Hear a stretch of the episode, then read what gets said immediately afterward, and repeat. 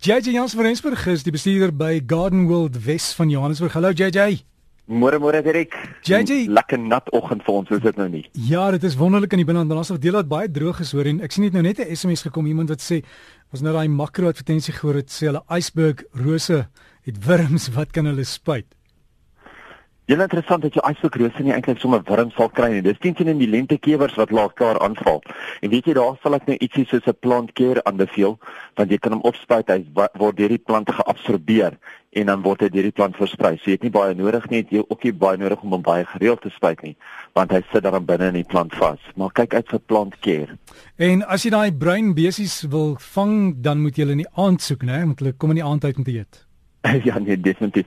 Heel interessant is eintlik dat 'n mens kan ook 'n uh, emmer water vat en dan kan jy 'n klein gewone kookolie, klein bietjie gewone kookolie of 'n bietjie parafin net bo in die emmer gooi en dan sit jy net 'n lig of 'n kers naby in die emmer neer.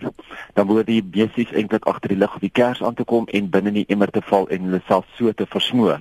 So dis 'n baie veiliger manier om van hulle ontslae te raak. Maar ja, definitief, die besies is soos jy sê, laatmiddag vroeg aand is hulle aktief en ongelukkig van nou af tot en met so middel Januarie gaan hulle by ons wees. So ons gaan vir die volgende 2 en 'n half maande ten minste die probleme hê. Jy sê reënmeter, hoe installeer mense dit goed? Ja, interessant hoeveel mense hom eintlik verkeerd installeer. Jy weet baie mense kyk net na waar hulle of 'n draadheining of uh, muur wat hom net in die muur eintlik kan vasboor. Maar jy weet as jy hom nie op die regte plek sit nie, gaan jy heeltemal 'n verkeerde lesing kry. Eerste van alles moet jy mens hom sit sodat daar geen water vanaf 'n dak of vanaf 'n boom ook in hierdie reënmeter kan val nie. So hy moet regtig in die oopte wees. Hy moet daar buite wees waar niks anders jou reën meter eintlik kan belemmer nie. Die tweede ding is jy moet hom so installeer dat water wat op die muur sou val, nie binne in die reënmeter weer kan spat nie want anders gaan jy dubbele lesings kry. Jy gaan baie baie blyer wees as jou buurman. want jy gaan meer reën in jou tuin kry as wat hy kry. Maar in elk geval, so wat 'n mens probeer doen is moet probeer kyk mense kry daai reënmeter staaners wat 'n mens ergens op jou grasperk of ergens in 'n laer bedding kan indruk sodat hy heeltemal oop is en weg is van die res af. Andersins kan jy net 'n gewone paal of 'n stok vat plant hom in die grond en maak die reënmeter teen hom vas. Maar weer eens, as jy hom teen hom vasmaak, maak seker dat jou reënmeter self baie hoër is as wat die paal self is, sodat die water wat spat vanaf die paal nie net binne in die reënmeter kan inspat en jou lesing so kan beïnvloed nie. Maar ja, twee weke terug het mense baie reënmeters gekoop. Toe sê ek vir hulle, "Jene, julle is baie positief hierdie keer." En wraggies kyk nou net hoe waar was dit in die binneland met al die reën wat ons gekry het. Hoe nodig was dit? Jy sê ander dinge wat ons nou in die tuin moet doen, jy weet ons het die kersfees wat aan die kom is as jy jou rose wil snoei om te blom, jy moet mos terugtel wat 54 dae Dit spreek ja nee, ek sal sê as jy jou rose nou wil sny, jy moet dit hierdie week sny, dan weet jy om en by daai week van Kersfees gaan hy nou pragtig en blom wees. So dit is 'n goeie een om nou te doen, maar ons met die res van ons tyd moet ons ook reg kry vir Desember. Een een van hulle is natuurlik die besproeiingsstelsels. Ons moet seker maak dat ons besproeiingsstelsels wel reg werk en dat hy nie water mors nie. Groot ding is nou ook om 'n uh, vogmeter te installeer. Gelukkig kry mense so ietsie wat jy as jy elektroniese besproeiingsstelsel het, dat eintlik jou bespreekstelsel sal afskakel, jou rekenaartjie sal afskakel sodra daar genoeg vog in die lug is of sodra dit genoeg gereën het. So kyk jy of jy een van daai vogmeters kan installeer, baie baie maklik om dit te doen.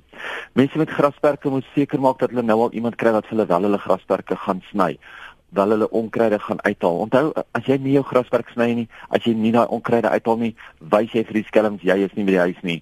So jy moet iemand kry wat jou daarmee gaan help nie net om net uh, om om die skelms te vir um te flous nie, maar ook om eintlik net jou tuin netjies te hou sodat as jy terugkom in Januarie dat jy nie 'n magdom van onkruid het wat al klaar weer saad geskiet het nie, want daai jou onkruide kan saad skiet binne 'n paar weke. Die derde ding is mense wat potte buite op die stoepe het en selfs binne sy se potte het. Onthou jy potte gaan baie meer water nodig hê veral in die somermaande wanneer dit so verskriklik warm is. So maak seker dat jy wel genoeg van daai waterhoudende produkte in die potte kan inwerk. Probeer bietjie daai bottel wat hulle onderste bo in die pot sit of reg op in die pot sit, jammer, dat jy 'n paar gate onder in die bottel sny met 'n klein gaatjie bo in die doppie sodat die water deur daai bottel in die grond in kan filtreer. Baie mense sit nou weer hulle potplante binne in die huis of binne 'n 'n uh, 'n uh, skoolgoed wasbak of binne 'n bad wat hulle net 'n druppel water intap net daai duim of twee water intap net om 'n vogtige omgewing vir hulle te gee sodat hulle ook nie vinnig uitdroog nie.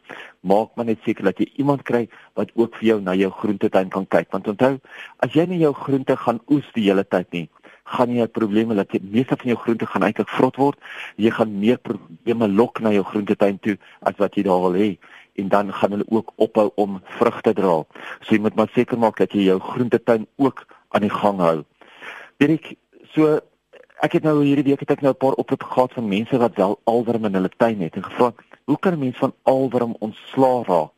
En alwerm, mens kan eintlik nie alwerm sien nie, want alwerms is eintlik mikroskopiese klein insekte wat eintlik jou plante se wortels aanval. Nou hoe weet 'n mens dat jy alwerm het?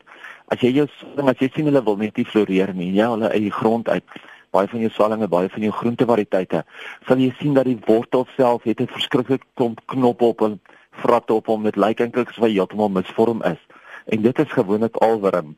Nou ja, mens kan gif kry om dit mee te behandel, maar die maklikste manier is eintlik om net Afrikaner saailinge sommer tussen jou groente en tussen jou ander plante in te saai. Want daai Afrikaner saailinge maak eintlik jou alwerm dood. So wat 'n mens doen, is jy saai jou jou Afrikanertjies daarin Jy wag totdat hy so 2 of 3 duim hoog is en dan spit jy hom sommer in die grond in. Of jy kan hom net daar los, dis nie 'n probleem nie, maar hy werk beter as jy hom in die grond inspit. En dit is dan nou 'n natuurlike manier om so van jou alwerm ontslae te raak. Kyk bietjie uit daarvoor. Ons het gesels ons dan met JJ Jansen van Rensburg, hy's by Garden World, hulle het 'n webtuiste, dis gardenworld.co.za en JJ se gesprek sal ook as 'n potgooi hier by Maandag op RSG se webtuiste beskikbaar wees.